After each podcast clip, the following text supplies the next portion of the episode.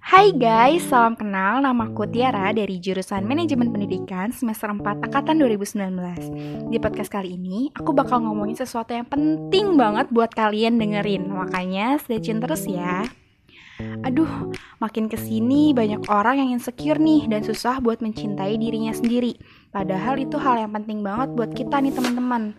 Oke, tanpa perlu berlama-lama lagi, di sini aku mau cerita ke kalian tentang seberapa pentingnya kita dalam mencintai serta menghargai diri kita sendiri.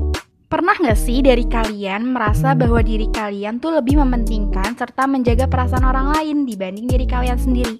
Sebenarnya baik atau enggak sih kalau kita seperti itu?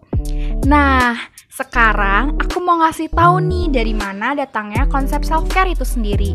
Dari kecil pasti kita diajarin dong untuk membantu orang lain baik itu melalui tenaga, materi, ataupun dukungan emosional.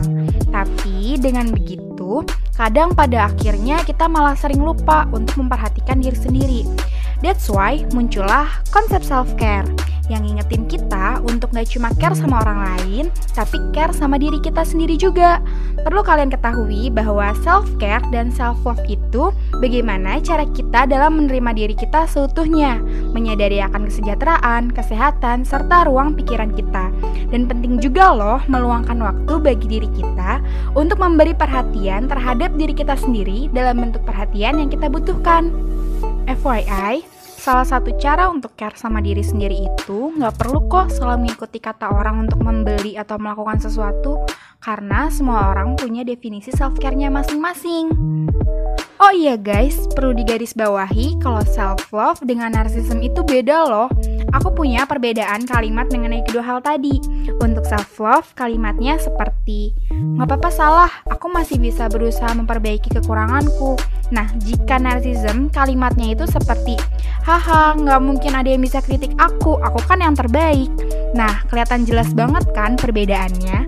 Jadi, perlu diingat bahwa cara yang benar untuk mencintai diri kita sendiri itu adalah dengan membiarkan diri kita berkembang dan membiarkan orang lain berkembang bersama diri kita.